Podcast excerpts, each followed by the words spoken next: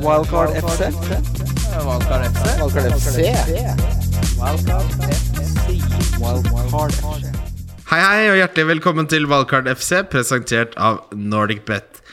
Mitt navn er Kristel Herregud, jeg, Den er fin. Ja, den er fin. Den er. Mitt navn er Christian Wessel, og jeg sitter her med mannen som nylig var i en betent konflikt med sivilombudskvinnen på Lofoten angående en forsinket forsendelse av pukt grunnet økt Økt isbjørnaktivitet langs lastebilens pukkrute. Vi kan da faen ikke kjøre ned Kvitebjørn, Kong Valemon, fordi dere hastebestilte pukk, og så ombestemte dere til grus!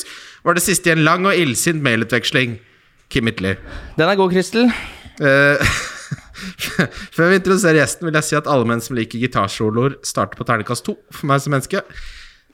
Der sitter den. Uh, dette er en Eliteserien Fantasy spesial, og vi har som og vi har, som vi har for vane for her i Valgkart, eh, valgt fra øverste hylle. Vi har med oss Eliteserien Fantasy-general, Discovery-general, Oslos beste gutt. Ja, du har tatt over den tittelen, Jonas Berg Johnsen. Hjertelig velkommen til oss, din gissegass!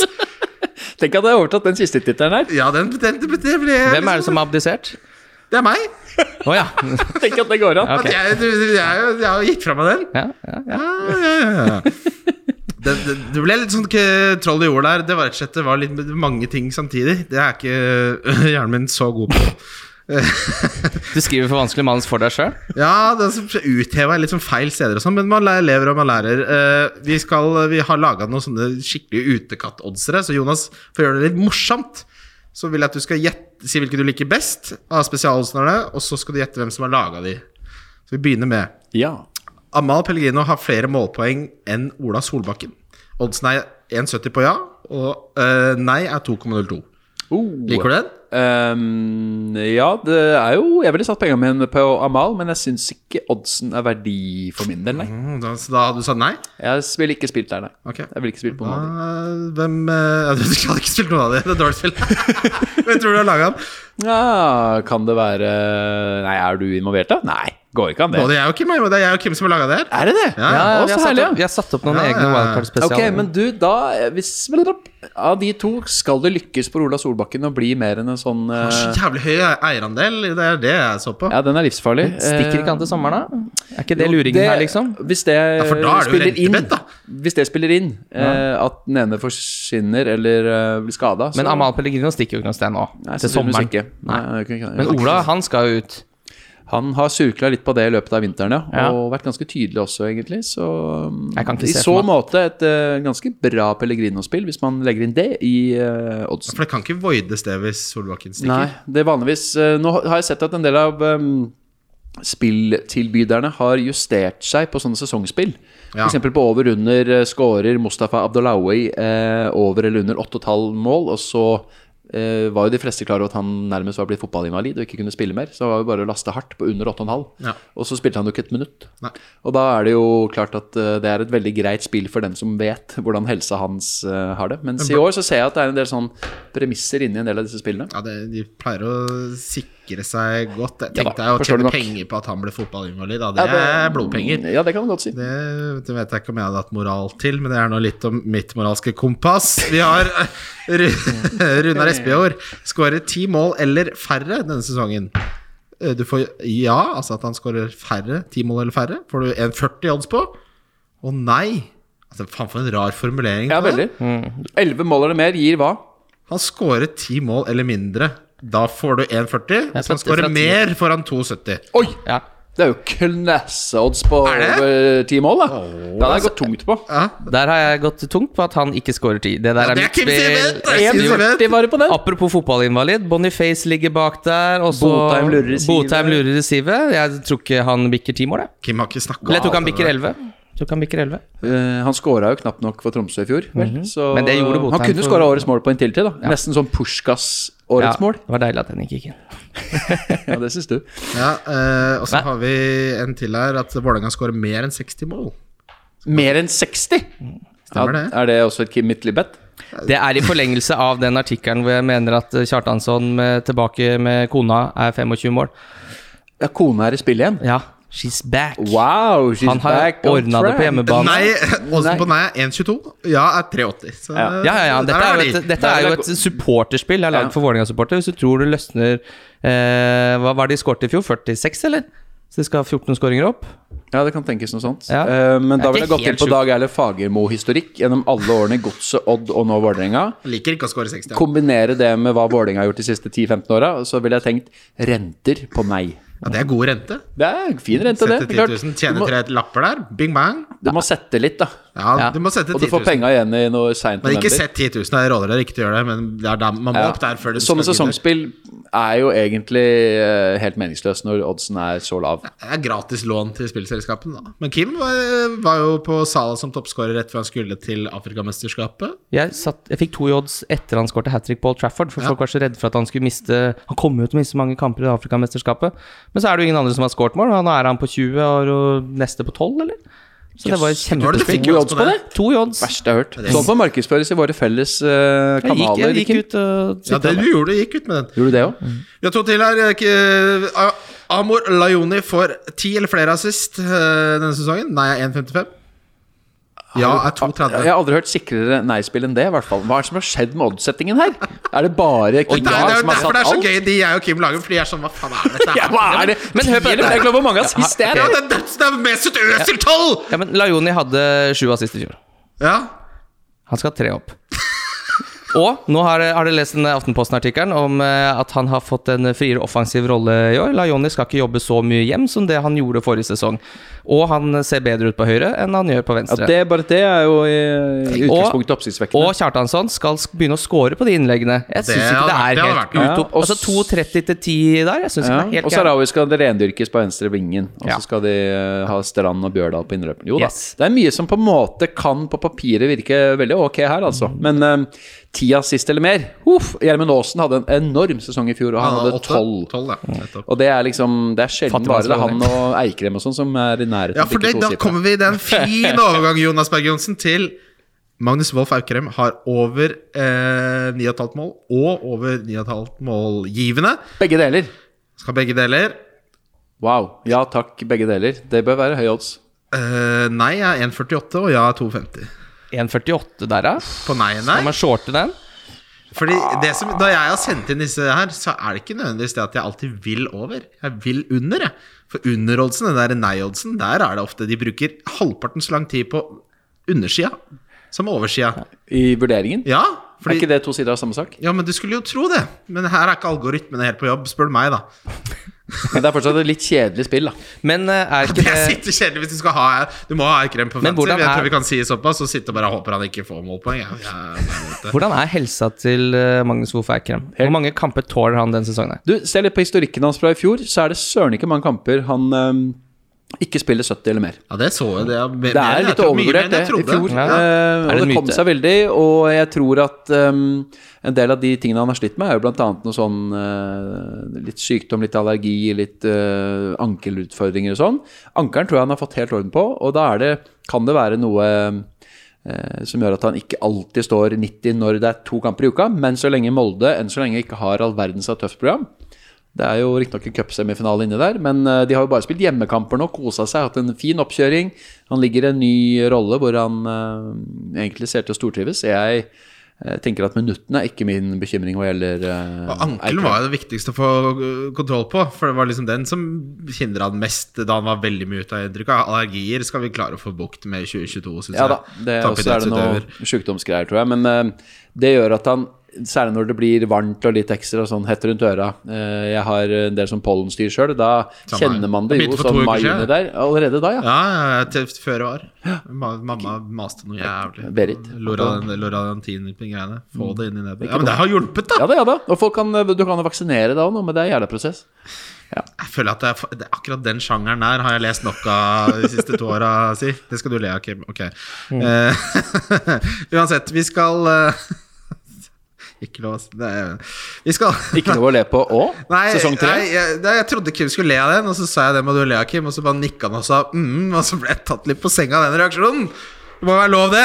Det blir bedre dynamikk av det. Ja, eh, Strukturen på denne episoden kjære gutter, er Vi har jo pleid å ha en eh, mastodont med Jørgen Kjernås. Dette blir litt mer quickfire, fordi det jeg har merket, det som rører seg i Discord og gruppechatter, og alt sånt, er at nå er folk eh, jammen usikre. Jeg ser veldig er mange forskjellige utkast, og veldig ofte så er det jo en enorm konsensus i Eliteserien Fantasy, så at det er så mye forskjellig, det lover veldig godt for eh, hvordan denne sesongen kommer til å være. Jeg har klart å rekruttere en del eh, som ikke har vært med før også, og det er jo jeg syns det er litt morsommere enn FPL eh, 50% av tiden. Så det liksom, da kan man eh, få det beste fra to verdener. Så det vi skal ha nå, gutter, er at vi skal ha Nå er jeg streng. Vi skal ha topp tre fantasy-spillere fra hvert lag. Vi skal ikke snakke om backupen til bekken. Vi skal ha topp tre. Eh, Så kommer det Vi har fått masse gode lyttespørsmål, og så skal vi høre Jonas sitt Gameweek 1-lag. Ja. Vi begynner, vi tar det i alfabetisk rekkefølge. Bare en liten sånn kuriositet for de som er glad i alfabetet. Eh, veldig få lag eh, i Eliteserien som ikke er på K eller S. Ja. hopper rett i HamKam!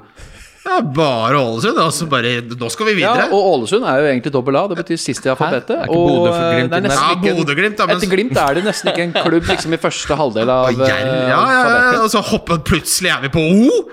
På O på midten. Ok, vi begynner på Denne standupen her er ikke så halvdum.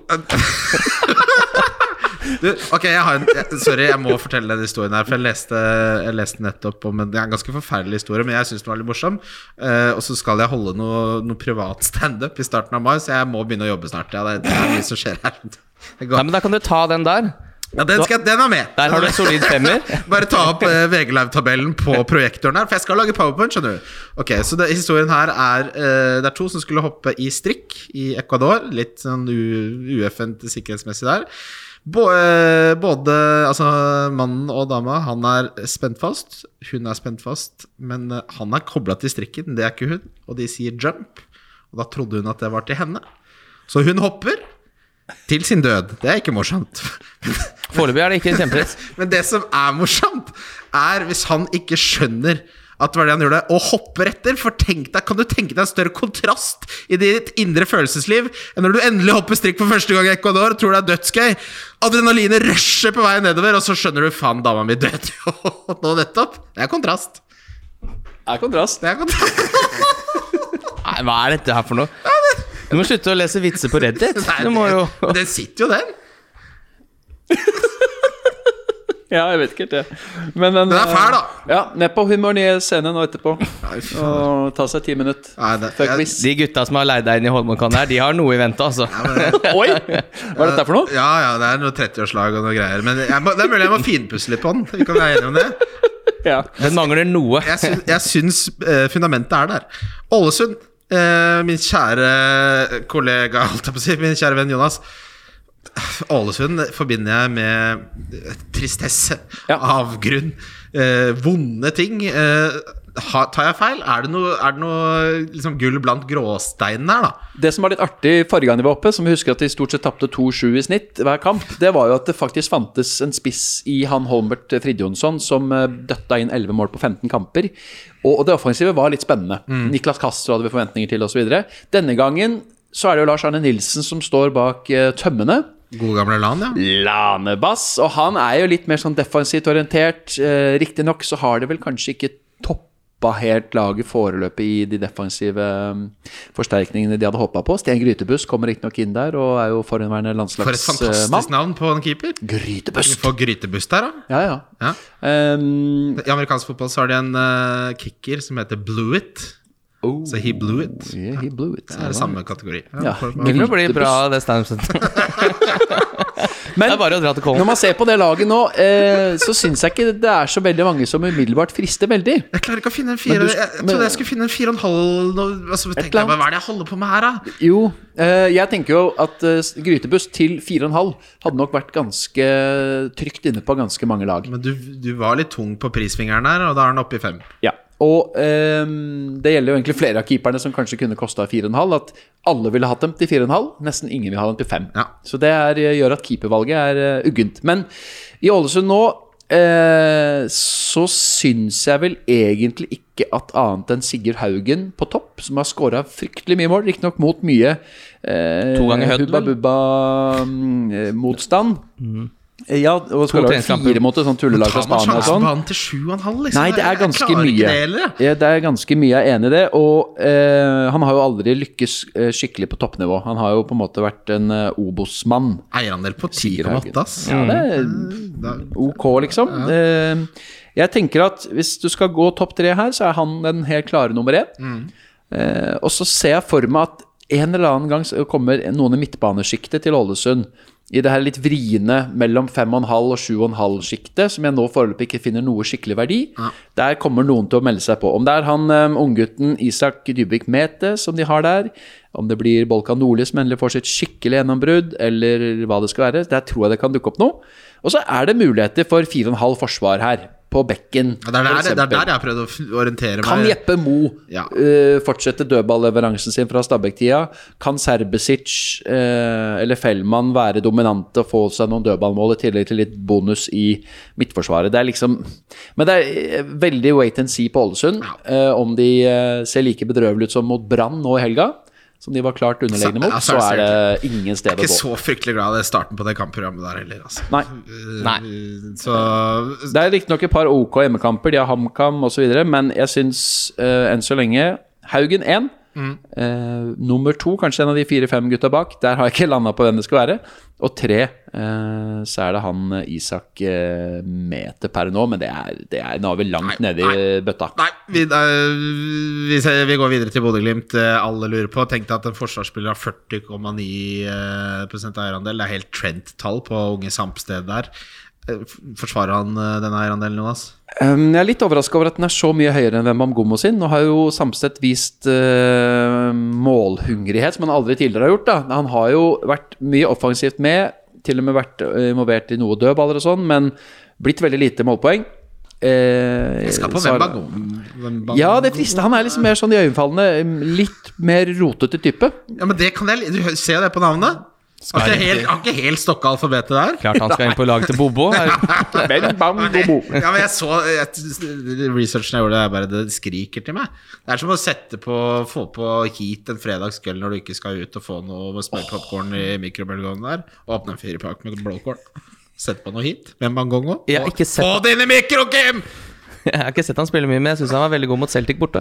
Ja, der var han jo Ble jo kalt uh, Pelé, ble han ikke det? Av uh, hjemmefansen Ja. på Twitter der. Ja, ja. Mest pga. utseendet, tror jeg. Ja, det var nok, eh, det var nok mest Ja. det. Men sånn i utgangspunktet vil jeg jo si at egentlig han er den som frister meg også mest. Men hvor mange av disse høyt eide spillerne tør man gå imot? Det er jo alltid en vurdering i det her spillet, da. På, men på forsvarsplass altså Vi hadde jo snakka om å dekke opp for spillere, men i, akkurat på forsvar så kan du det. Fordi der får du rent burpoeng uansett. Jo jo, men eh, det er forskjell på om den ene får uh, scoring og bonus, ja, og den andre sitter der med smultringen sin. Men hva er det du skal dekke opp for en spiller som har samme pris for uansett? For du skal ikke begynne å hete Nei, det for å er jo dekke sant, opp. men så- da må man jo ha troa på at han kan levere bedre enn Samsted, da. Ja, Ja, men da dekker du ikke opp. Nei, nei, du dekker opp for Bodø-Glimt sin clean sheet, så de hadde jo flest alle, av alle i Eliteserien på det òg. ja. Eh, det er to hva ting her. hva- hva- Brede Mo hadde jo faktisk flere målpoeng i fjor enn Samsted, Samstedt, f.eks. eksempel Men han er ja. litt mer usikker i minutter, da. På grunn av Men hva ville du valgt, da? Samsted eller Wembango? Jeg må lære meg navnet hans der, det blir helt for dumt. Wembangomo.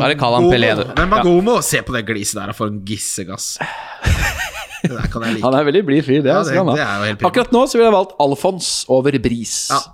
Ikke bare på den eierandel, men også fordi uh, Samsted faktisk har skåra to mål på de siste to kampene. Så er det en endring i tiden? Er det en spiller som endelig har funnet uh, nettmaskene? Ja. Jeg tror ikke man kan regne med at han skal dundre inn mål sånn som han gjorde mot Lillestrøm uh, i cupen, men det er akkurat per nå et trygt og greit kort ja. Det er ikke vits å ta en sjanse. Er det det vi lander på? Ja, men altså, Han har jo vært kjempegod de siste kampene i Europa. Hvorfor den Hvorfor, hvorfor ta sjansen? Nei, Jeg, altså, jeg mener, altså, Det er et retorisk spørsmål. Da. Det, Ja. det er smartere å ikke gjøre det. av det jeg har sett nå, så føles det som han på en måte har løst en eller annen offensiv eh, kode. Ja. Som ja. jeg ikke ser for meg at, liksom, at han skal bli noe dårligere i Eliteserien. Så han skal ha Han er bankers på mitt lag. Det er noe med forsvarsspillere som spiller i den type rolle når den målpoengskoden først knekkes. Liksom à la Cancelo, vi har sett det i andre, så er det litt sånn da, har de, da er det noe som har falt på plass oppe i toppetasjen, da. Ja. Eh, Solbakken er selvfølgelig da eid av 48,5% Vetlesen 26,6% som da koster 2,5 mindre.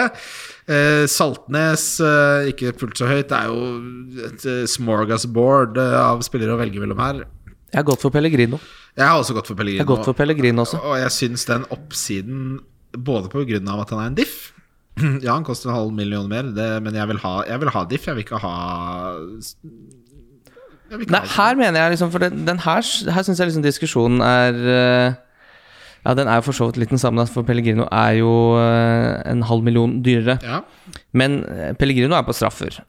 Men, Ja, og- sannsynligvis Og, Ja, og Solbakken tar de hvis Pellegrino har blitt bytta ut. Så det er jo et lite Ja, Vi- eh, Ja, og så er jo fint. Espejord også inne i straffemiksen. Ikke, Ja. Men han også Men han- byttes ofte ut etter 70, sannsynligvis. Ja.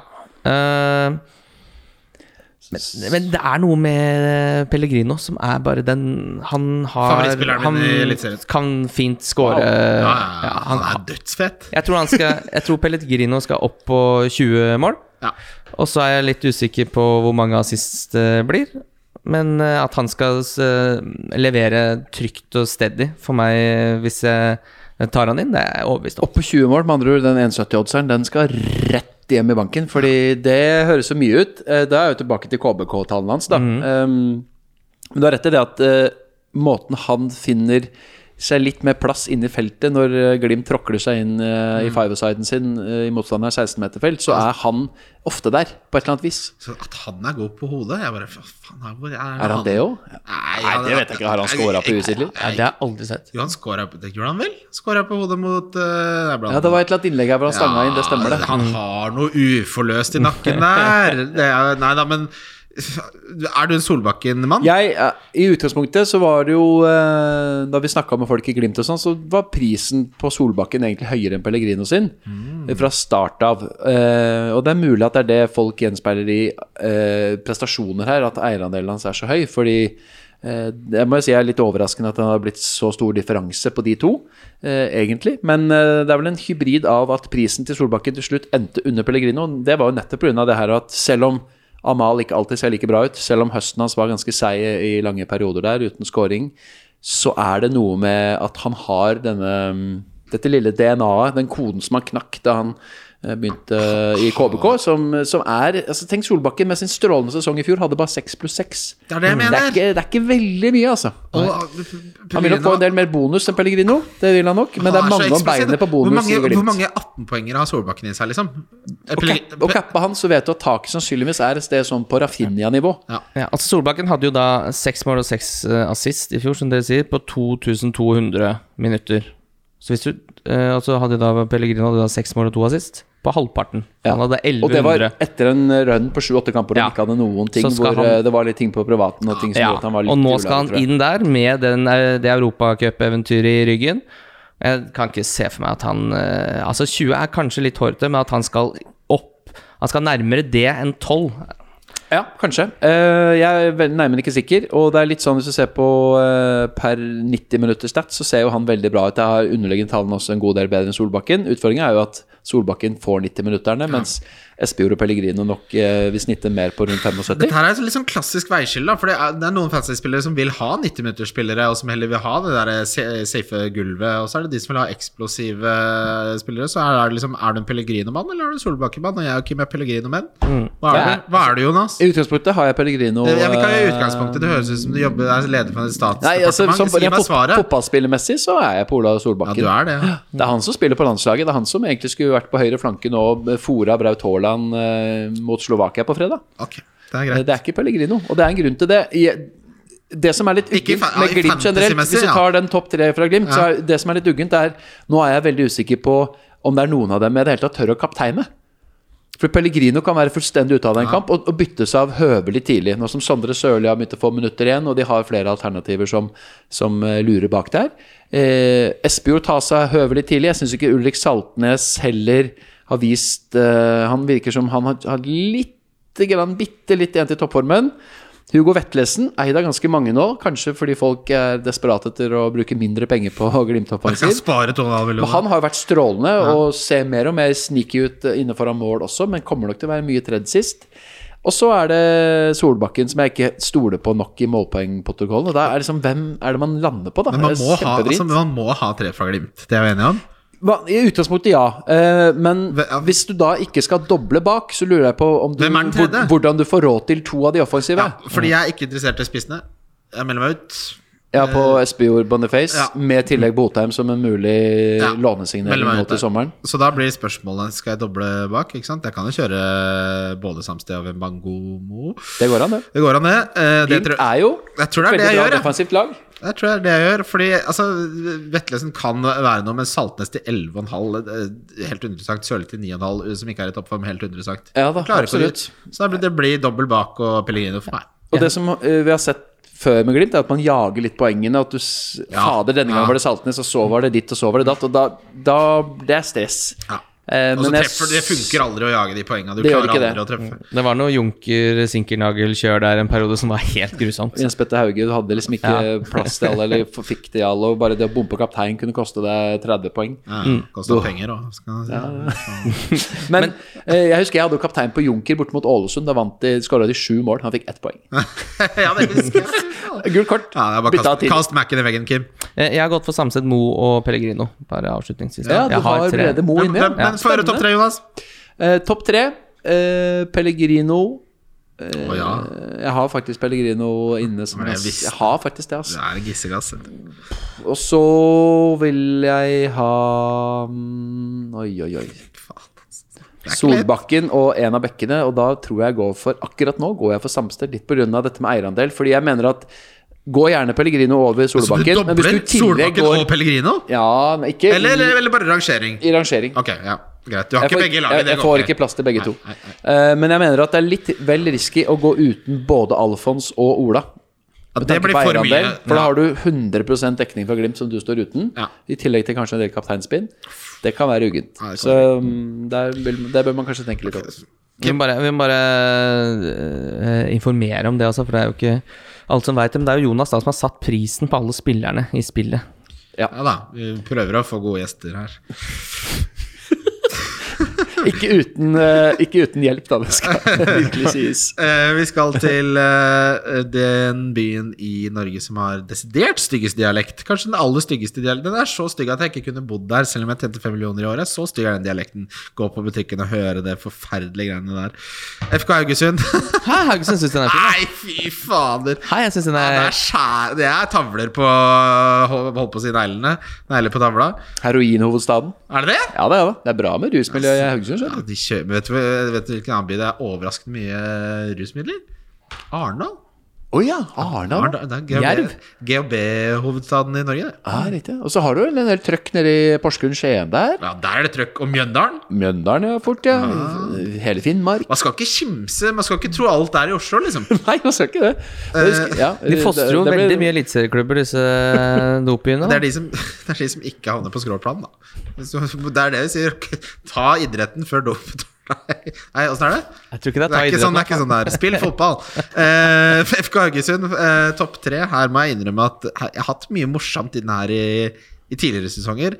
Jeg klarer ikke å begeistre meg noe her, eh, Jonas. Eh, Kim, har du noen du liker fra FK Haugesund? Vi kan godt, hvis vi ikke har det, så kan vi godt bare si dette er topp tre, så kan vi gå videre. Nei, vet du, jeg har ikke klart å finne noen verdi, altså. Så det blir liksom nesten litt sånn tåpelig å skulle begynne å snakke om det, altså, ja. Og så vil jeg bare si til dere Sondre Liseth er liksom ute med noe Nei. ankelkjør, og det er vanskelig, altså. Jeg vil bare si til dere som er fra Haugesund, eh, dere er veldig hyggelige, selv om dialekten deres ikke er så fin. Så dere har den. Jeg Jeg har en fint. eh, lang historie med en eh, dame som skrålte ut til meg Stavangergata 3! Stavangergata 3! Fra et eh, overnattingsbesøk der i 2011. Eh, etter en fuktig bytur på byen etter du. Tromsø. Ja, da var jeg på jobb for TV 2. Og eh, det ble eh, en tur til et svært kollektiv hvor, i i Stavangergata 3. Hvor det foregikk ting og tang. Og flyet gikk jo da 06.30. Nei, må ikke dra på Stavangergata 3 da. Nei, nei, nei, nei, jeg ble vekt av Asbjørn Myhre. 0550. Hvor er du? Jeg står i hotellobbyen, og vi skulle kjøre til taxi for ti minutter siden. Å nei. Det ble en, Rakk du flyet? eh, Ja, så vidt. Oi, For de det- har jo også rånere der som kjører taxi noe så inn i Ja, da fikk du kjørt deg. Ja. Så den uh, glemmer jeg aldri. det må være Hvor er det? jeg Hvor? Jeg skal ha taxi! Hvor er vi? Stavangergata 3! Stavangergata 3! Få det med i standupen. Skriver du det? Noterer jeg det med en gang. Bare ta historien. Bare gjør det til din egen. jeg kommer til å stjele historier? Det er Ingen historie er trygg. FK Haugesund topp tre, Jonas. Um, jeg tror Altså, dette er wait and see de luxe. Haugesund er veldig svekka. Velde ute, Sandberg ute, Desler ute, Pallesen, Knutsen, Tidemann Det er så mange som er ute. Gode gamle Stølås er ute. Alle er ute. Samme Stølås. Eh, Det, jeg likte jo veldig godt Sondre Liseth i fjor. Var eh, veldig veldig bra for det laget. Blitt kaptein. Um, 7,5 på midtbanen tror jeg kan bli verdi i løpet av kvelden. Uh, Badou, åtte blank, litt opp der. Skal nå få en nøkkelrolle. Har jo vist at han har et voldsomt tak. Skåra hat trick i en kamp. En av de her tror jeg kan bli bra. Og så er det jo veldig eh, åpent på spissplass, så der styrer de unna. Men jeg tror kanskje at hvis de får litt orden på defensiven sin, riktignok en ganske nykomponert eh, bakre firer, så er det muligheter her i Valstad, en ny offensiv venstreback, eller kanskje en av stopperne, eller eh, Tore Pedersen endelig skal få litt uh, utløp for sitt uh, potensial. Men eh, foreløpig er det ingen fra Haugesund i nærheten av mitt lag. Nei, da sier vi Vet du hva vi sier da? Den dagen jeg betaler 5-5 for Valstad Det, han var bra, han, for Mjøndalen i fjor høst. Som stopper ikke nok. Og kampprogrammet med Sandefjord, Godset og KBK hjemme de første tre eh, er jo eh, søren ikke dumt, da. Men her Du får Mo for samme sum, da. Dette her er Det ikke Reform 97. Alle skal ikke med. Er det ikke Er det ikke noe, så er det ikke noe. Da, da kommer du, da tar Nei, Mjøndalen. Da Vi går vi skal til FK Jerv. Eh, den kampen er en av de morsomste fotballkampene jeg har sett. Jerv mot eh, Brann. Det, jeg sa, det var gøy. Fy faen, så gøy. Men vi skal ikke snakke mer om den. Den har blitt skrevet i hjel om. Eh, er det noe her? Kort, kort spørsmål. Er det noe her? Nei, altså Jerv er jo kanskje uh, den største dumpekandidaten i norsk fotballs historie. Mm. Og um, det er klart, noen må jo skåre målene. Så vi har satt et Må par ikke. spillere her på 6,5 osv. Eh, ja, de skal jo skåre kanskje et sted mellom 20 og 35-40 mål, Da. Det kan jo gjøre som Derby, da. Skåre 16 mål. De skårer ikke 40 mål. Nei, men det, altså Ett mål i snitt pluss litt. Ja, men Da begynner Vålinga til 60 og høres litt interessant Jo, ut. jo, men du vet, Eliteserien er så jevn, og det der surret der Vålinga kan bli nummer 6 og ha 45-43 målforskjell. Mens Jerv kan bli nummer 16 og ha scora 39. Jeg syns det er vanskelig å skjønne hvem som skal score de måla der. bare- En som ikke har kommet inn i spillet ennå, det er eh, litt beklagelig. Det er han uh, Hustad, Ja. som kommer uh, via et låneopphold i Obos og Mm. har scora en del. Kommer fra Brann. Jeg tror faktisk han kan være litt småfrekk i 6,5 når han kommer inn i spillet. Er det sånn at man targeter Jerv, eller? Litt, ja. Ja. Bare særlig som kaptein. Ja. Utfordringa er jo at de har en elendig gressbane hjemme, sannsynligvis. Jeg har ikke sett den Den den eh, hittil i våres. Det går litt rykter. Eh, De har jo hatt er utfordringer der før. Der ligger de i Grimstad. Så det er jo en av nabobyene til Ikke finn på å eh, google, Arendal, må ikke finne på å google Jerv. Det er en illsint uh, katt der.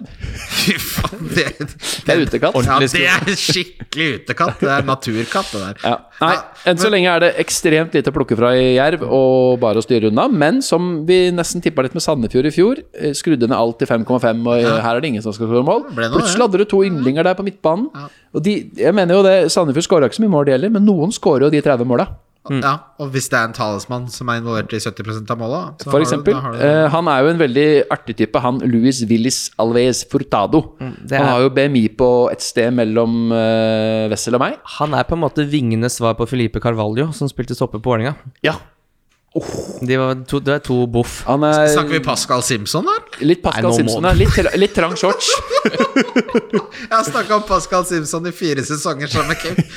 Han, han, skjø- han skjønner aldri hvor det kommer fra. Pascal Men google han og se på shortsen.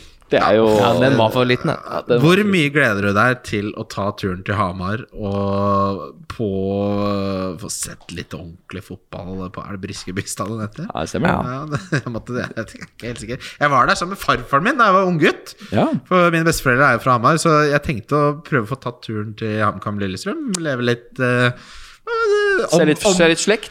Ja, altså omfavne litt det norske, da. Altså Hvorfor ikke? Altså En av eh, mine på en måte holdninger til livet er interesser deg for mest mulig, for da slipper du å kjede deg. Jeg kjeder meg aldri. Jeg, jeg har ikke kjeda meg et minutt de siste 15 årene. Nei, det vet jeg ikke hva er. Kjeder jeg, Nei, vet jeg er. kjeder meg aldri. Ja, men, jeg- enten så slapper jeg av, eller så leser jeg noe, eller så ser jeg på noe, eller så hører Ja, på noe. ja, ja. Det, Det går ikke an å kjede seg lenger. Kjede seg er det verste personlighetstrekket jeg kan tenke meg. Jeg kjeder meg. Ok, da trenger vi ikke å snakke så mye sammen lenger. For faen, så kjedelig. Kje, kje, sitter og kjeder deg. Fy faen, er det så lite aktivitet oppe i toppboden der? Loftsboden. Men eh, hvem skal du heie på fra HamKam når du sitter der på tribunen og har Ja, gått det all er in jo på fantasy? Nei, altså det er jo, Eriksen er inne i laget mitt. Kristian Eriksen. Mm. Eh, Eid av 23 eh, 23% og det, jeg, det kommer jeg ikke unna. Det er, det er en homeboy. En, en sånn spiller syns jeg man kan tillate seg eh, hver sesong. Var en yndling, eh, yndling i Hamar, så får vi jo se om, om det er verdi der. Men han er med. Altså, kan det, det prissjiktet der er det så lett å komme seg ut av. Kim, Hvis det ikke er verdi i han til sju, så skjønner jeg så ingenting. skjønner jeg nesten ingenting. Fordi det kampprogrammet til HamKam der er jo helt nydelig. Det er jo Lillestrøm hjemme, Tromsø borte, Sandefjord hjemme, KBK borte. Eh, ÅFK hjemme, Vålerenga borte, og så er det RBK hjemme. RBK har jo ikke sett Altså, det, de møter ikke ordentlig motstand før Viking borte, egentlig, i kamp åtte der, da. Du bare unnlater både KBK og Vålerenga borte før det, riktignok, men uh, Nei, nei, jeg sa Han nevnte Sa det. det, sa det. Ja, ok, ok. Jeg syns ikke Vålerenga borte er noe sånn uh... Nei, men Det er jo en relativt tøff tur i utgangspunktet, det, for HamKam. ja, men ikke offensivt, tror jeg. Nei, kanskje ikke. Du så det nå på treningskampen deres. Da var jo Ja. HamKam ja. 2-0 opp etter 7-8 minutter, vel? Mm.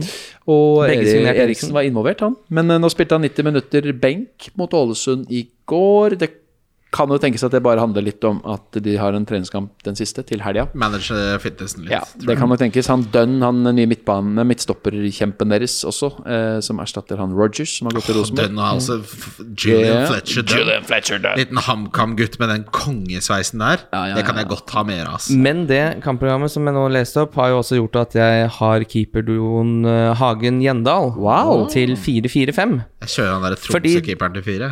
Altså, eh, historisk sett så har det wildcardet begynt å røre på seg når Game Week 8 Det, vet du kommer. det er et godt poeng, Kim. Det skal jeg bytte nå. Sorry, fortsett. Eh, nei, det er egentlig bare det. Så, Ja. så, og så har de jo da eh, hvis, du, hvis, du, hvis du ikke går for den veldig billige keepervarianten der, da, så er det jo noe uh, litt halvveis artig til 4-5 her også. Ja. Hvis du tror de holder nullen Ja, ja, ja. eh, med det Og- kampprogrammet. Uh, HamKams defensive tall i fjor var jo helt enorme. Mm. Riktignok er Reka vekk fra det, men uh, det er jo ikke noen grunn til at HamKam skal skru om strategien så veldig. Eh, når de var så gjerrige som topplag i Obos, Mm. så blir jo selvfølgelig eh, førstepri og forsøksvis holde nullen også i eh, Eliteserien, mot selvfølgelig mye bedre motstand. Men jeg tror også at med han eh, danske Michaelsen inn, som er en, virker som en trener som både har mye fornuft i seg og har erfaring med å trene lag på nedre halvdel av tabellen, det må jo også være en fordel. Og så veit vi jo det at Kjetil Rekdal gjør ikke så mye på treningsfeltet, Kim. Det er også riktig. Men det jeg så av den uh, HamKam-Vålerenga-kampen, som de da vant 3-1 eh, Sambaen er ikke løs på Hamar. Nei, det kan vi ta helt Det er med ro. struktur, Ja, og det er det er- rammer, og det er uh, fort 5-4-1. Hedmarkinger er ikke Det er ikke det er, de har, altså Samba og hedmarkinger er den verste komboen jeg kunne tenkt meg. Det er lakris og biff, liksom. Men men det er jo på Hedmarken at du har Momartnaden og alt det Jo, greiene der, men de danser swing og grøftefyll. Det er ikke noe samba og noe koordinerte ting der. Der er det bønn struktur. Men det var ikke sving og grøftefyll heller over det HamKam eh, lagde på Intility nå sist. Nei, det var eh, Hva heter den der som du Mer sånn polonese. Gifter? Hva heter den derre der Vals. Vals. Vals, ja. Vals var det. Stivt og jævlig. Men hvem er det da? De vant 3-1, da. ja, de vant tre! Det holder, det! det er jo et sammensurium av eh, av fire-fem spillere i forsvaret til HamKam her. Ja. Eh, og så har de jo nå fått inn han eh, Kongsro. Ja, Fra fra, Bodø-Glimt. Han er vel ikke bytta Nei, han kommer nå? inn i løpet av eh, Det er, Ja, går litt til hakker og går litt her nå på spillutvikling. Vi må få, det, få, få opp farten. Men hvem er det beste 4-5 i HamKam? For la oss være ærlige, da. De, er, de kommer til å spille ganske defensivt. De har et ganske fint kampprogram. Ja. Det er mulig å få lurt til seg noe 4-5 her. Hvem er det som er liksom den beste 4-5-en på Ja, Godt spørsmål. Eh, det kan godt være at eh, det er mannen med skuddfoten, Hasan Kurasai. Voldsom slegge på ene midtstopperen der. Dunn, hvor god er han? Jeg må innrømme at jeg aldri har sett han spille før. eh, så vidt har sett han i aksjon nå. Hvis han blir en sånn markant bonusmagnet som kanskje kan score litt på dødball òg. En av de to. Eh, ellers så er jo da med Kongsrud sin inntreden til fem blank eh, vil jo ligge på den venstre vingbekken. Vi må legge til det at de spiller jo tross alt Trebekkene. forsøksvis 3-4-3, selv om det fort blir 5-4-1, er jeg redd. Så vingbekkene i Hamar-kameratene blir nok ikke så friske offensivt som i en del andre lag. Mer 5-4-1 enn 3-4-3. si Jeg tror nok det. sånn. Så den andre høyre vingbekken er jo eh, kaptein og gammel LSK-helt Alexander Melgalvis. Eh, som jo har vist før, som ren back i Lillestrøm, at han har eh, nese på mål. Han hadde i 2019-sesongen, da LSK rykka ned, tre mål og fire assist. Og i 2017 hadde han faktisk fire mål og seks assist.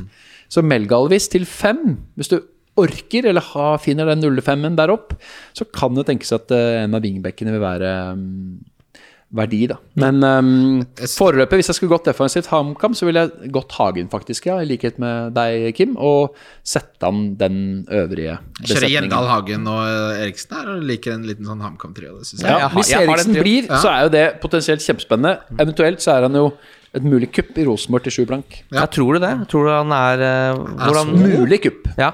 Hvis, han, ikke sant? Hvis Reka henter han, så er det jo fordi han eh, kjenner han godt, skal ha han inn i en spesifikk rolle, vet hva han får, om kvaliteten er bra nok. Dette er en fyr som eh, tagg og ba seg inn på trening med Kamma før fjorårssesongen, Ah. og plutselig ble eventyret Rags to riches. Lukter Helt litt sånn Gjermund Aasen 2-0.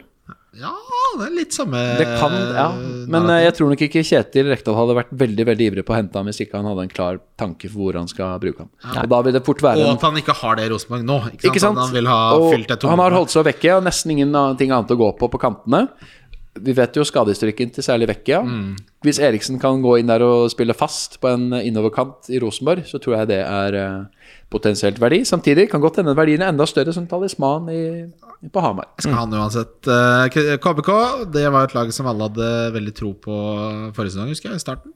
Uh, Coli har en eierandel på 38,8 Ja, det er har gått helt mann av huset. Det er jo fordi han koster 4-5. Ja, Strand Nilsen har jo også 25,2% så her er det forsvaret til KBK eh, spillerne har lagt eh, sin elsk på. Ikke unaturlig, egentlig, med tanke på historikken. Er du Altså, er det de du rangerer som eh, hvem, altså, Vi begynner med topp tre.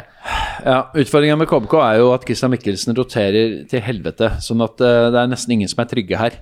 Eh, Moses Mava får nok en god del minutter på topp, men har jo altfor sjelden vist at han vet hvor målet står. Eller så er det kjempekobler på midtbanen som er veldig usikkert, egentlig. Torgeir Lertsen har jo mye bra poeng per kamp og poeng per 90, sånn historisk sett, men jeg vet ikke om det er til å stole på. Så det som jeg tenker med KBK, eh, som er et lag som er veldig vanskelig å bli helt klok på Innimellom dødstighte og spiller 0-0 på Lerkendal og 0-0 her og der og strammer inn. Andre ganger taper og slipper i mål i bøtter og spann. Det er egentlig bak, og da er det Snorre Strand Nilsen til seks Ja. som er mest interessant. Han er fryktelig offensiv, eh, kom mer og mer til sin rett. Seks mål og to assist i fjor. og Programmet er også fint, syns jeg, på de første seks, åtte, ni kampene for KBK. Veldig fint. Et av de bedre programmene, etter mitt skjønn. Så Altså, du, Eh, du, han har, er- du har han med nå, du? jeg har med Stan Nilsen på laget. ja. Eh, dyrt er det. Og så irriterer det meg litt at jeg har satt Aasbakk også til seks. Han burde nok kosta 5,5. Han er jo en veldig interessant offensiv eh, venstreback. Eh, som dessverre har slitt mye med skader osv. Men helt frisk så er jo han også en eh, fryktelig giftig spiller, som også har eh, god dødballfot med både direkte frispark og, og cornere. Lillestrøm. Eh, må bare si en kjapp ting at Det som alltid definerer uh, fansesongen min i Eliteserien, er at jeg- jeg faller ofte litt sånn av etter sommeren. eh, fordi jeg ikke har gjort det godt nok frem til da. Men da er det alltid sånn når jeg går inn og sjekker de andre lagene, så er det alltid liksom Riktignok ikke så mye forrige sesong, men Kaludra hadde alle inne da. Da har jeg liksom bomma det Kaludra-toget. Kaludra? ja! Ja. Var det mange som hadde han? Det var kanskje det. Ikke forrige sesong, men han er, halvt, han er sånn eh, Han har en sånn tre, Ja. 34 poengs eller kampers uh, Streaks. he- Ja, streaks. Som Ja. jeg alltid bare sånn Å ja, nå har alle han, igjen. Ja, og det som er med han er jo at Hvis du ser på minutter og antall målpoeng, så ser jo Kaludra kjempefin ut. Men du vet jo aldri om han spiller. Og Nei, nei, nei. det er ofte at han byttes ut tidlig, og det er veldig ustabilt. Og det gjelder egentlig alle på Kristiansund. Altså Kaludra i 2020 hadde jo eh, fire mål og ti assist på 1500 minutt. Én? En per 100 minutt, det. Men det er jo bare 1580 minutt. Han har aldri vært over 1900. Kan du ha med en sånn spiller? Jeg er litt skeptisk. Nei, nei, nei. Eh, det er heartbreak down the line. Det er det som er. Du, Litt av problemet. Topp tre eh, KBK er én Strand Nilsen, Ja. to McDermott, tre longshot uh, Torgill Gjertsen, tror jeg. Oi, Spennende. Ja. LSK, som egentlig er en- en min nummer to-klubb i Eliteserien. Ja, hva er din første da HamKam? HamKam er bytta til nå som de er oppe i Eliteserien, ja. Ja, altså HamKam og Lillestrøm er liksom Ja, Bjarne Sognes, som er min gudfar, spilte jo for Lillestrøm. Han er jo legende. Ja, legende. Så det var derfor jeg holdt med Lillestrøm. Men da Wow. byttet ut til HamKam. Ja. Ja. ja, gudfaren min! Gudfaren til Bobo! Bjarne Sognes. Det er ikke rart jeg går i fotball! Det er det tristeste jeg har hørt. Jeg har to lag i Eliteserien, det er HamKam og Lillestrøm. Av og til så kan du unne andre litt glede også, Kim. Eh, Ja, ja, ja, LSK, topp tre. Her er det også et lag med veldig fint eh, kampprogram, foruten to fryktelig tøffe turer. da, De årets verste kamper i runde tre og fem. Aker stadion og Aspmyra. Finner du en litt snedig rotasjonsmulighet der, så er det jo egentlig et drømmeprogram. Første 10-11 rundene for Lillestrøm.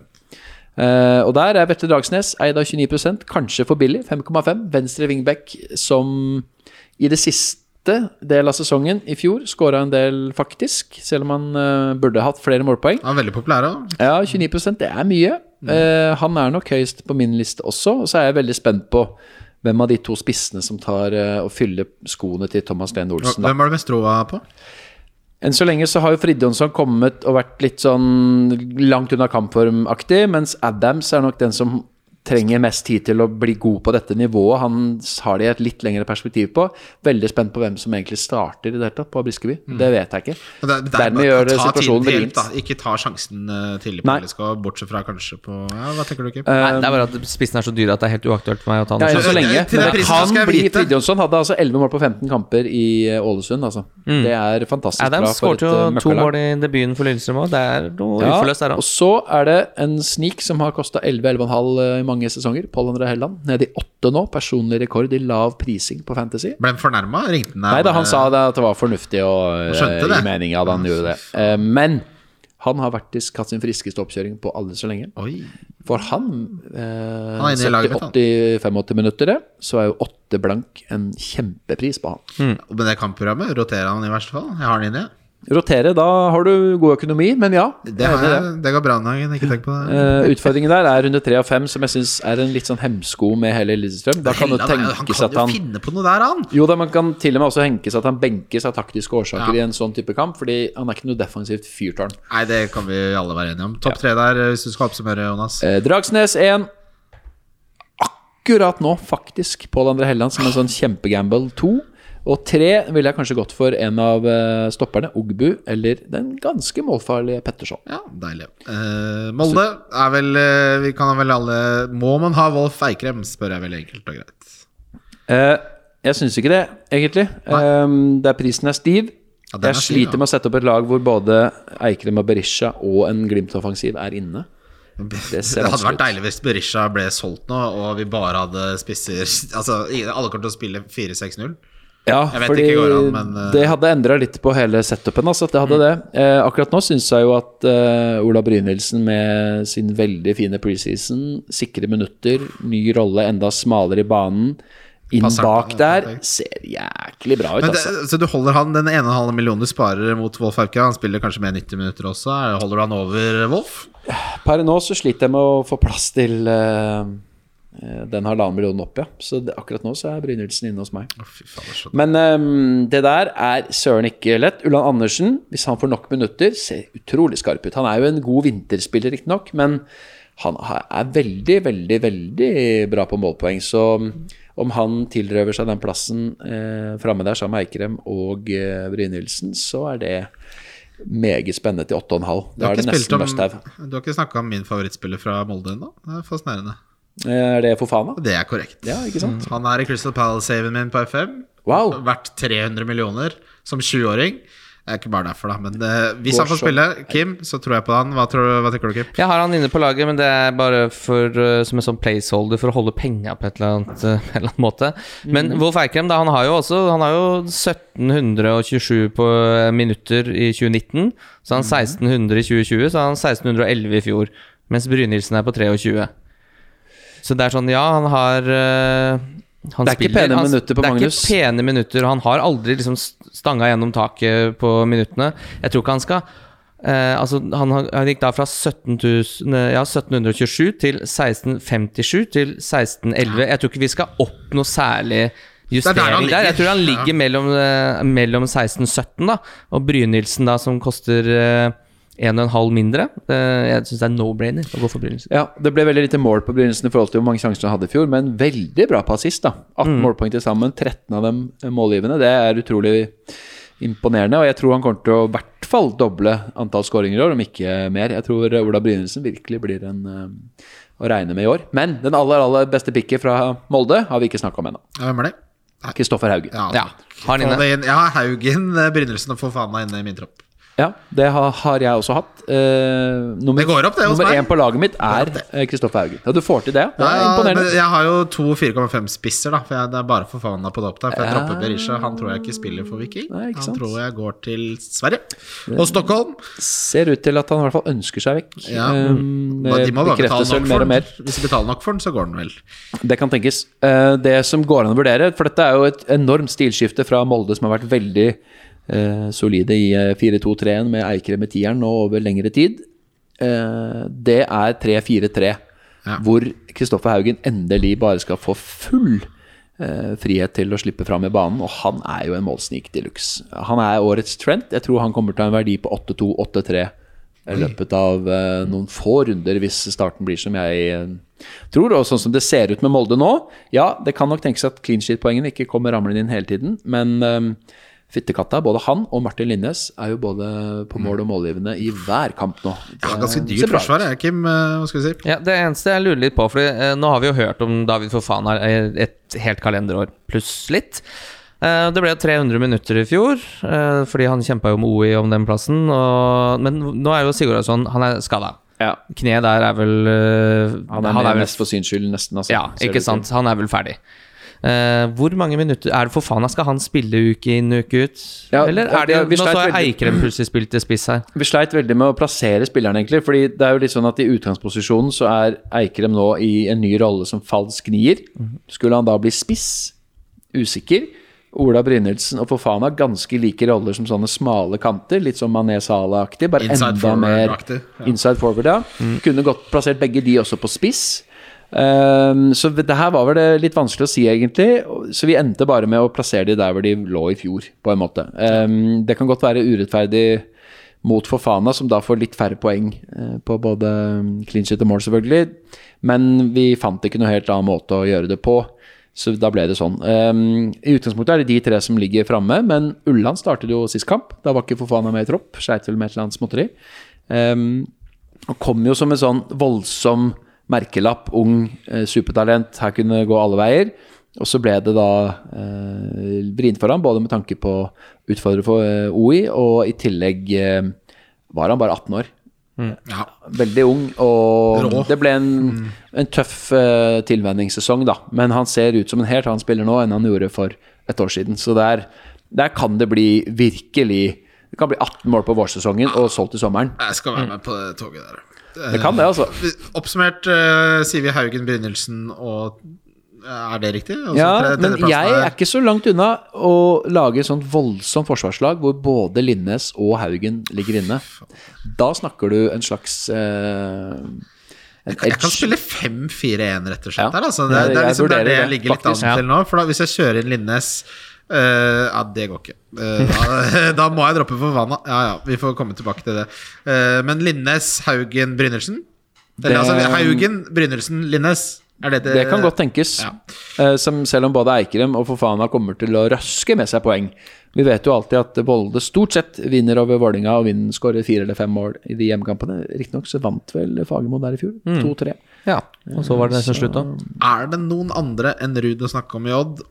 Ja! Er det det? Ruud skal man ikke snakke for mye om enn så lenge. Prisen er litt stiv, as we know. Det er du som har satt prisen. det for seg. Eh, men med ny trener, Paco Prisen er litt stiv. Ja. Tenk deg å være er butikkinnehaver selger sjokolade. Ja, du har noe sjokolade Ja da, ja, prisen er litt stiv. Du 100 kroner plata, men jeg har det. Ja, det er fortsatt. Ja, der er du Der er du meg. Eh, Men altså, eh, det er ganske ny stabling i Odd. De ser friske ut, skårer mye mål, slipper fortsatt inn en del, men det er mer offensivt, det er mer dynamisk, det er gøyere.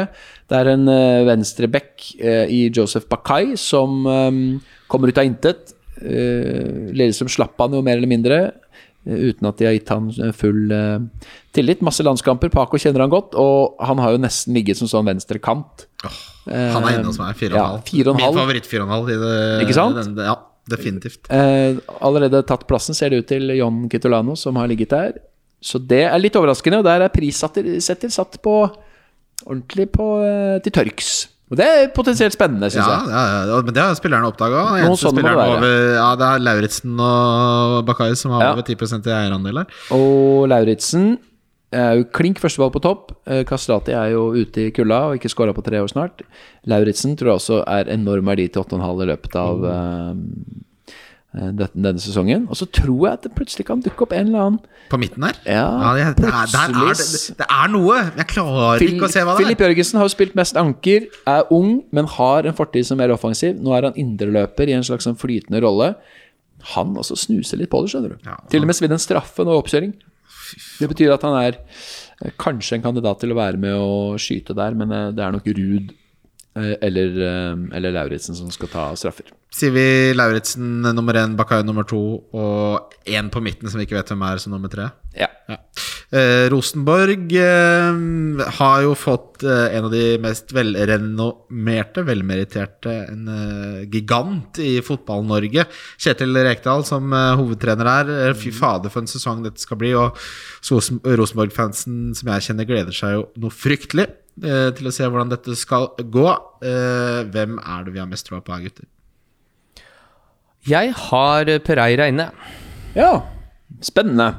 Synes han Hvorfor- ser, hvorfor han? Jeg syns han ser frisk ut. Det lille jeg har sett av Rosenborg som jeg syns fungerer, så syns jeg eh, Pereira har vært en av de som faktisk har sett litt spennende ut. Ja. Eh, og de skal jo være Det virker jo som eh, Selv i Rosenborg så bygger eh, Kjetil Rekdal laget bakover og fremover. Eh, så at eh, det blir en del eh, litt sånn kjedelig fotball, men mye clean shit på Rosenborg. Det tror jeg. Og de har store, sterke spisser, Rosenborg, å, å velge mellom. Jeg tror ikke det er så smelldumt. Nei, det er, ikke på, det er jo på tide at Rosenborg virkelig får stramma opp igjen bakover. Og det var jo Kjetil Rekdal som var ansvarlig for det HamKam-laget som så vidt slapp inn 20 mål Ja, det sant. på 30 ikke kamper i fjor, osv. Litt annen scene å skulle dandere en matrett på, da, eh, på Lerkendal. I utgangspunktet legger han hodet på fatet ved å ikke spille 4-3-3. Så, som det alltid gjør oppe i Trøndelag. dernest skal man alltid underholde. Dernest er det helt nytt for nesten hele den gjengen som spiller der, å faktisk spille 3-4-3. Og det ser ikke ut som de har løst det i det hele tatt så langt. Nei, etter den Ranheim-kampen så var det jo ak apokalypse now-tendenser blant ja, det, var- Da var det mye. Det var, mye- det var mange Mac-er som røyk i veggen. Virkelig. Og da de i Spania nå fikk en avlyst kamp og måtte bønnfalle KBK om å stille match til match på veldig kort tid eh, KBK sa ja, vi kan stille med B-laget hvis vi får lånt noen spillere av dere i tillegg. Så da var det jo tre Rosenborg-spillere som spilte for KBK2, nærmest, kan man si. Rosenborg med sitt første lag sleit med å slå dem 3-2. Ja, Mr. Bean. Og det var KBK som sparte nesten hele laget til uh, treningskampen sin dagen etter mot Haugesund. Så der er det altså så mye å gå på at det er nesten sånn at jeg Er det ikke bare å holde seg unna til vi ser hvordan dette går, da? 100 Ja. Jeg liker heller ikke spesielt godt uh, seriestarten deres med fryktelig tøft program, i hvert fall defensivt. Ja. De skal altså til Glimt, de skal ha um, Odd som har sett overraskende friske ut til nå. Sarpsborg, som vi skal snakke mer om, som virkelig er mer eh, offensivt innstilt enn tidligere. Så har de Molde. Så skal de en tur til Drammen, hvor det ofte blir mye mål. Jeg Vi holder oss unna, vi. ja, virkelig. Her kan det ta ti før Reka får ting på plass. Men topp tre. Én Dahl Reitan, to Holse, som har vært ganske bra Ja. til nå. Og tre Du kan faktisk få en Rosenborg-keeper til 5,5. Ja, Det er ikke ofte. Det er uh, første gang uh, at det Fire år, fem år, ja. André Hansen sitter mest på benken av de to keeperne nå. Julian Faye Lund har vært mest inne og spille, men um, han har jo aldri kosta mindre enn seks, uh, bortsett fra første sesongen i 2017. Da kosta han fem og en halv. Så den av keeperne som blir fast, er jo, det er jo ganske bra pris, det, da. Ja, eh, men så, det er litt sånn som Kim sa, det blir på første valgkart rundt uh, Gameweek 8. Uh, Sandefjord har en gammel Follo-spiss med i uh, Ruud Tvetter der. Eh, Det er det første Alexander Ruud Tvetter spilte for Follo, var veldig god der. Spilte bl.a. med Pader Karoliussen, som nå trener i Sogndal. som er en av Follos store sønner, som egentlig skulle være med på podkasten her for tre år siden, men han eh, kunne ikke allikevel. Morsom historie. Sånn, Med standup-materiale som testes ut. få det i notatblokka! Eh. Sandefjord. eh, jeg har ikke klart å identifisere noe fryktelig spennende for eh, meg personlig. Eh, Jonas, har du noen andre tanker der? Det er vel et bilde på Sandefjords um, attraktivitet at ingen av midtbanespillerne deres er eid av mer enn 1 Vi, der kan vi, vi kan konkludere kjapt. Ja. Greia er at I fjor så satte vi jo prisene veldig lavt her. Ari Jonsson og Kristoffer Nordmann Hansen ble jo yndlinger. ja. Se ikke bort ifra at det dukker opp en tilsvarende en herfra ut av intet i år. Men vi det vet man ikke hvem det er. Nei, det er vanskelig. Uh, Ruud Tveter er valgt av 23 Det er jo oppsiktsvekkende. Det er mange. Det er, det er fordi han er en av de mid-price-prisene som de veit spiller. Ja. da folk tenker ok, noen vil nok ha et prispunkt der. Kanskje jeg vil ha en 6,5 ish. Placeholder, ikke sant. Kanskje, kanskje. Ja. Eh, det som er litt spennende, er han um, Jesper Toje, ny midtstopper. Fem blank koster han. Skåra ni mål han på 30 kamper i Obos i fjor. Ni mål som midtstopper. Det er bra. Det er bra. det er bra Og um, finner du ut av en slags rotasjon der, så kanskje et eller annet. Men de har tre bortekamper de første fire, inklusive Glimt hjemme. Så der er det bare å styre unna. jeg tror vi bare sier at vi styrer unna der. Sarpsborg 08. Der var det også en del favoritter eh, forrige sesong. Ikke voldsomt populære hittil, med svært få som har valgt av veldig mange. Hva tenker du der, Jonas? Er det litt er, Egentlig litt overraskende at ikke flere har sett at de har hagla inn mål både i treningskamper og i cupen. De hadde jo 5-0 borte mot Åsane til pause. De skåra to på Aker, og de har generelt produsert ganske mye. Du har en fyr som har vært eh, en gammel traver i Sarp nå i mange år, i Ole Halvorsen, som jeg tror er underprisa til 6,5 på høyre kant. Han er jo til og med involvert i dødballer og diverse, og er meget interessant. Men der ligger både Maigård, Linseth og på sikt tror jeg også Tobias Heinz kan bli et kjempevalg. Eh, I den treeren bak klassespissen Guillermo Molins, som er på topp, til åtte, tror jeg kan bli et kjempevarp. Holder han seg skadefri, så er Molins, tipper jeg, årets eh, underprisa spiller. Oi, ja, da svarer du på et litt spørsmål på for, Ta han over for Fana, da, så har du Så har du, Da har du spart 2,5 millioner der, ja. Så har du litt penger å Hva skjedde med Christian Opseth? Skulle ikke han komme tilbake og bare dunke inn mål? Jo, men han har vel egentlig aldri gjort det sånn over tid i Eliteserien. Han har gjort det i litt sånn rare land rundt omkring, senest da Australia, og før det har det vært mye i Obos, på Sogndal og Bodø-Glimt og sånn, men, uh... Men det var jo ikke så gærent. Uh, altså da i, i, I fjor da, så spilte han jo 600 minutter, hadde fem mål og to assist. ja, det er bra, det. Snitter jo nesten uh... Men helse har vært en utfordring, da. Ja. Derfor hadde han såpass få minutter. og Det har jo også vært utfordringen til Molins, som jo kom fra Rosenborg, og det har vært på lån i Sarpsborg før og sånn, og det er der er jeg veldig spent på hva som skjer. Altså, fordi Hvis Sarpsborg skal fortsette med ny trener som virkelig vil heller vinne 4-3-1-1-0, så er det mm, et taktskifte der nede som gjør at jeg er ikke langt unna å ha to offensive fra Sarpsborg på laget fra start. Fordi det, eh, det kan, to sånne kan være bedre enn å ha én til 10,5-11 og en femmer, liksom. Det er det som er litt uh, greia. Utfordringa er at både Linseth er jo målfarlig. Maigård vises uh, liksom eh, litt gammel klasse, egentlig. Husker han var jo kjempemålfarlig i godset. Uh, I tillegg til at Heinz Halvorsen der skal spille. Obs på Saletros, det er en gammel fantasyhelt. Han spiller ganske dypt i banen, så er vel antageligvis ikke noe å regne med, dessverre, da. Selv om det ble 11 målpoeng på han i fjor. Det er jo bra, det òg. Så her er det en del spennende, altså. I tillegg, bakover Men er fortsatt skranten helse på Christian Opseth, eller? Jeg ser det er 1,6 som har han inne på laget. Ja, Molins er jo førstevalget per nå, eh, Ja. ganske klart. Så jeg ville nok styrt unna Fardal Opseth eh, inntil Molins eh, skulle få seg en eh, langvarig skade. Strømsgodset, så har eh, jeg sett meg ut en joker til 5-5 der. Oi, spennende. Kresjnik Krasnici. Der, ja. Ja, jeg skal nok ha litt eh, albansk krydder. Eh, hva syns du om han til 5-5? Er jeg ute på ville veier? Spiller han fast i en uh, indreløperrolle, så er det kjempeinteressant. Ja, jeg, skal, jeg, må prøve noe på femte midtbanespilleren der, for jeg kommer jo til å spille mm, 5-4-1 eller 4-5-1. Uh, Og så vil veien være kort til den eventuelle andre 5,5 som kommer. spilleren Som, alltid kommer. Men uh, vi, vi må faktisk uh, Vi må bare ha topp tre her. Uff. ehm, aha. Akkurat nå har jeg, jeg har ingen fra Godset inne, altså. Selv om de har også sett ganske ok ut. eh, mot Obos-motstand, riktignok. Eh, Litt usikker på hva jeg syns om eh, startprogrammet, de første tre her, og litt sånn Nei. eh, Topp tre. Watch out, i hvert fall, da. Så ville jeg nok sett topp tre watchlist. Da ville jeg sett på hvor offensiv skal Wilsvik eh, være på høyrebekken. 5-0 forsvar, det er ganske bra. Problemet er at du får litt få clean sheets. Hvordan står det til med Lars Jørgen Salvesen? Ett år ute med korsbåndskade eh, for andre gang, nå tilbake. Han er jo en mann som eh, dro med seg småpene 21 målpoeng i 2020. Eh, burde egentlig også hatt 5-6-7 mål til den sesongen der, så han er kjempeinteressant. Og så er det en av, en av disse midtbanespillerne. Hove er jo en gammel favoritt, uh, fancy. Er jo veldig bra, men 8,5 Han ligger på sånn 12-13 målpoeng i året, da. Eh, treffer du litt hans streak-perioder, så er det jo gode muligheter. Men eh, kanskje det er året hvor Krasjniki skal inn. Er det Stenevik som endelig knekker målpoengkoden? Eller Gulliksen, da, ett år eldre etter den fantastiske gjennombruddssesongen. Åtte blank. Hvis han eh, blir mer målfarlig, så er det megainteressant. Spennende. Tromsø er uh, jeg, jeg, nå måtte, For å få dette her til å gå opp, så spiller jeg med to keepere til fire millioner. uh, det ble Gjendal og Thomas, det. Da gikk det akkurat opp med 0,0 i banken. Jeg liker uh, utseendet. Ja, det er sånn jeg spiller fantasy. Uh, den som er populær her, er Rob Robertsen, ikke Robertsen. Nei. Uh, Yttergård Jensen er selvfølgelig alle og enhver sin femte midtbanespiller for de som ikke har fem på midten der.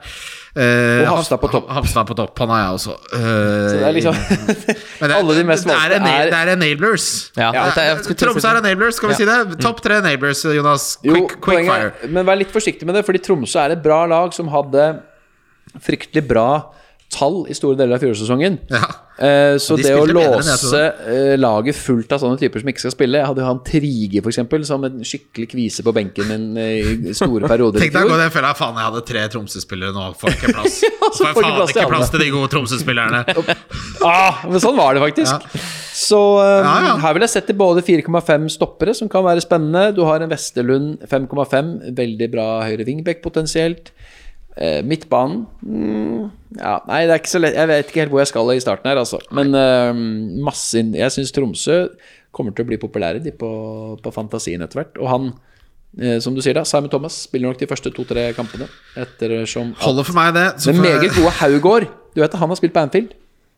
Og Etiad og sånn. Han er jo gammel Stoke-keeper. Ja, ja, ja, ja, ja, stemmer det. Han, Jakob Haugård. Han har vært veldig bra i- til tider i oppkjøringen. Hardt slag for dem at han er skadet, men um, kanskje man får med seg litt. Hagen og Thomas tror jeg jeg skal ha um, som keeperduo fra start. Og da får du faktisk Hagens flotte kamper, men du får også Sam Thomas hjemme mot HamKam i runde to. Jeg må finne en halv million et sted. Jeg må nedgradere eh, Bangomo. Ja, faen, altså. Eh, Vålerenga, Kim. Ja, hva er det dere har lyst til å høre? Uh, hva tror du om Kjartansson, uh, vil jeg vite? Du tror jo på Laioni. Du tror han får over til målgivende. Uh, og hva tror du om Christian Borchgrevink? Christian Borchgrevink skal nå under kniven, er langtidsskadd, så han, Han kommer ikke til å se kne, noe til. knejævel, han. Det som er bra med det, er at Sota, som koster 5-5, tar jo både frispark, tar cornere på Vålerenga, og er jo nå ikke på noen som helst måte trua på den venstrebekken. Fordi Hedenstad kunne jo fort ha spilt litt der. Han har jo riktignok spilt veldig få kamper i karrieren på venstrebekk, men det, det var jo i utgangspunktet litt rart kjøp. Det der det kan jo hende Vålerenga forsto mer av den skaden til Borchgrevink enn det de gikk ut med da de henta Hedenstad inn. Så tror jeg det har vært litt misfornøyd med Borchgrevinks defensive innsats, faktisk. Ja. Eh, at vi fantasy manager nesten har likt ham bedre enn det Fagermo kanskje har gjort. ja, det kan faktisk Så det er en del spillere som er sånn. Ja, kanskje. Ja. Jeg, men jeg digger Borchgrevink både som type og back og alt, egentlig. Han, han var jo sånn det første navnet på, uh, i troppen forrige sesong, husker jeg. Få han inn. Men uh, Jakim, fortsett. Uh, nei, så jeg syns Sota er litt sånn en litt uh, spennende spiller her, som har bare en eierandel på 2-6 på et Vålerenga-lag som har henta en veldig spin spennende midtstopper også, i Bjarnason, som ser ut som midtstopper som skal spille for et helt annet lag enn Vålerenga på sikt, i hvert fall. Og sammen med da Nesberg. Nesberg har kontrakt frem til sommeren. Det stopper bare der kommer til å være gull verdt for Vålerenga frem til eh, sommeren. Og så er det jo da offensivt, som er bare masse masse spørsmålstegn på absolutt alle. Kjartansson, skal han skåre 10 mål, eller skal han skåre 15? Skal han uh, holde seg på 8? Vanskelig å si. Uh, Sarawi, skal han endelig liksom Han kan jo dra et helt fotballag i løpet av en fotballkamp, men blir det nok målpoeng? Kanskje det, han skal få den derre uh, som eh, Gravel Ejuke, Ejuke hadde jo plutselig den, ikke sant? Hadde plutselig bare løsna, og så bare Å ja, han Og da ble han solgt etter tolv kamper. Ja, Men- ikke sant? Så at noe sånt kan skje med Sarui? Kanskje. Det er ikke ueffent, det. Og så er det jo da 4-5, hvis det er noen som setter opp laget sitt sånn eh, på den måten der, så er jo da den som utfordra Oldrup Jensen, skulle jo da være Thiago Holm. Han må nå opereres, og mister antageligvis da hele vårsesongen. Eh, Så da kommer eh, Oldrup Jensen til å spille veldig mye. Han er ikke spesielt målfarlig, men eh, av de 4,5 4-5 det, jo det, det, det er nesten han og Yttergård Jensen, da, så det er jo Ja, og så noe Diop og noe sånt. Ja. Men altså det med Sarawi altså Han gikk jo faktisk ned Han i antall målpoeng i fjor før, kontra fjorårs, eller året før der igjen.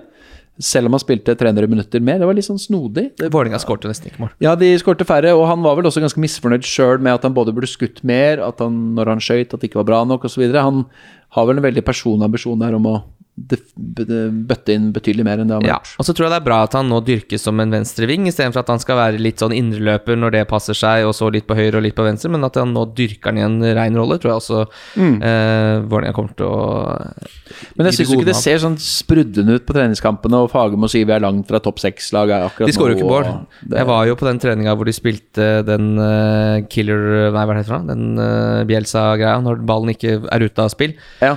Eh, den kampen, det er jo da Var det to ganger tolv minutter eller sånt 0-0 ble det. I den, I den internkampen.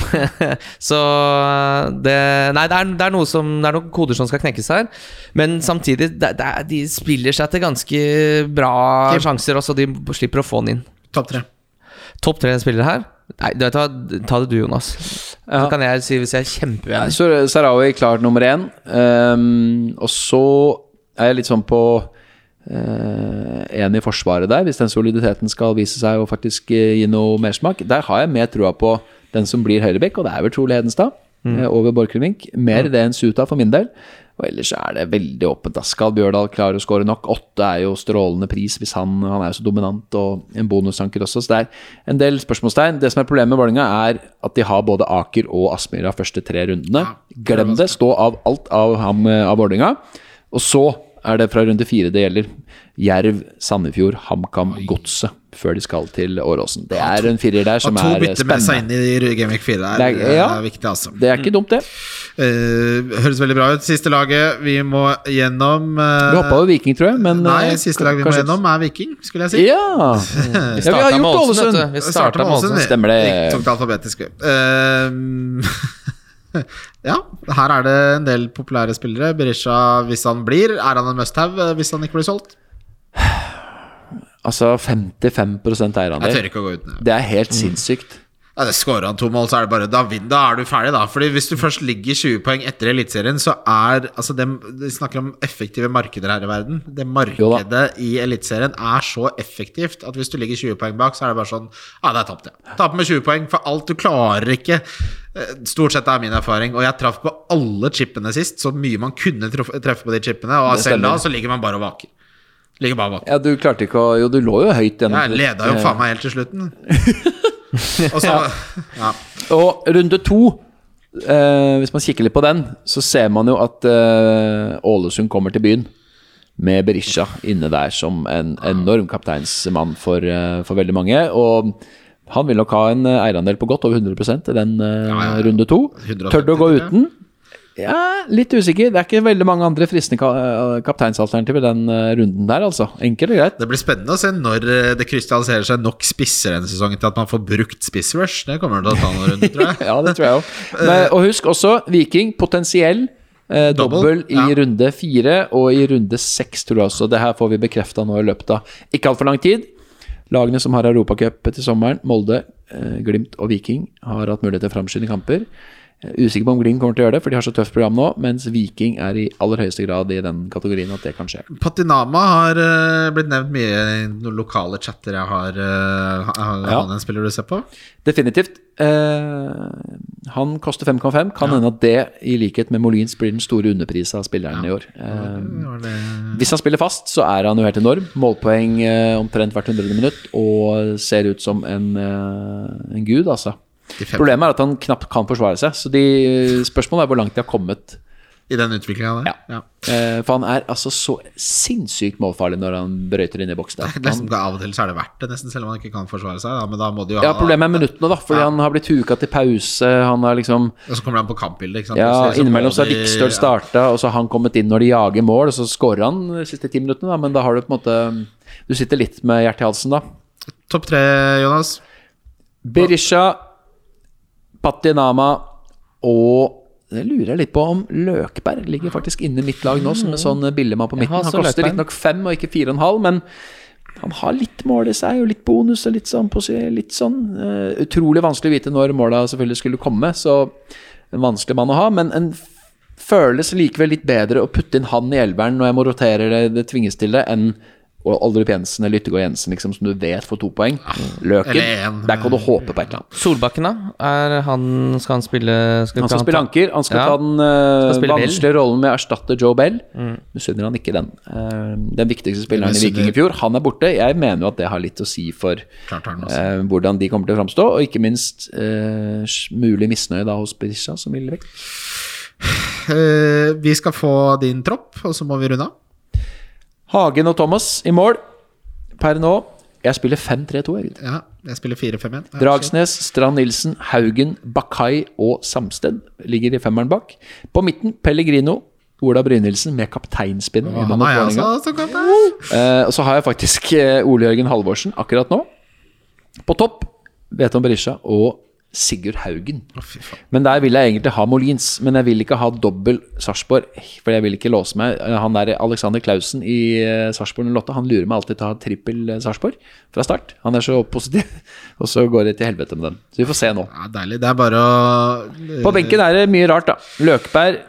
Dickman fra Jerv 4,5. Det kan like gjerne være Yttergård Jensen. Ville bare ikke binde opp en plass der. Og så er det han Alvheim. KBK sin 4,5 Ja. Veldig deilig gutter. Jonas, tusen takk. Ender nok ikke her, skal du se. Nei, Nei, det er lenge eh, igjen, da. eh, 5-3-2 tror jeg kommer til å tørre det til siden og sist. Jeg gjør jo ikke det. Jeg og Jonas spiller inn en spesialepisode med lyttespørsmål. Fordi vi svarte på halvparten, men det var noen som ble overskudd. eh, Det var ikke alt vi fikk tid til i dag, så det blir en liten overskuddsepisode hvis Jonas har tid. Eller så må jeg spille inn aleine og prøve å. Nå skal vi alle av gårde. Eh, det må vi, og, men jeg vil bare si tusen takk Jonas for at du var med og ga oss en grundig gjennomgang. Håper det er en rettesnor i det store mørke hav som er å lage en tropp til Eliteserien Fantasy, som ofte er litt eh, vanskelig. Vi har spesialspill, de finner du under eh, vinnerspill på eh, Norge, Eliteserien og vinnerspill, naturlig nok, på NorgPet. Eh, lykke til, alle sammen. Vi er glad i dere. Kim? Mm, Ja. Ja, den sitter. Ha det. Wildcard FC. Wildcard FC. Wildcard FC. Wildcard FC. Wildcard FC.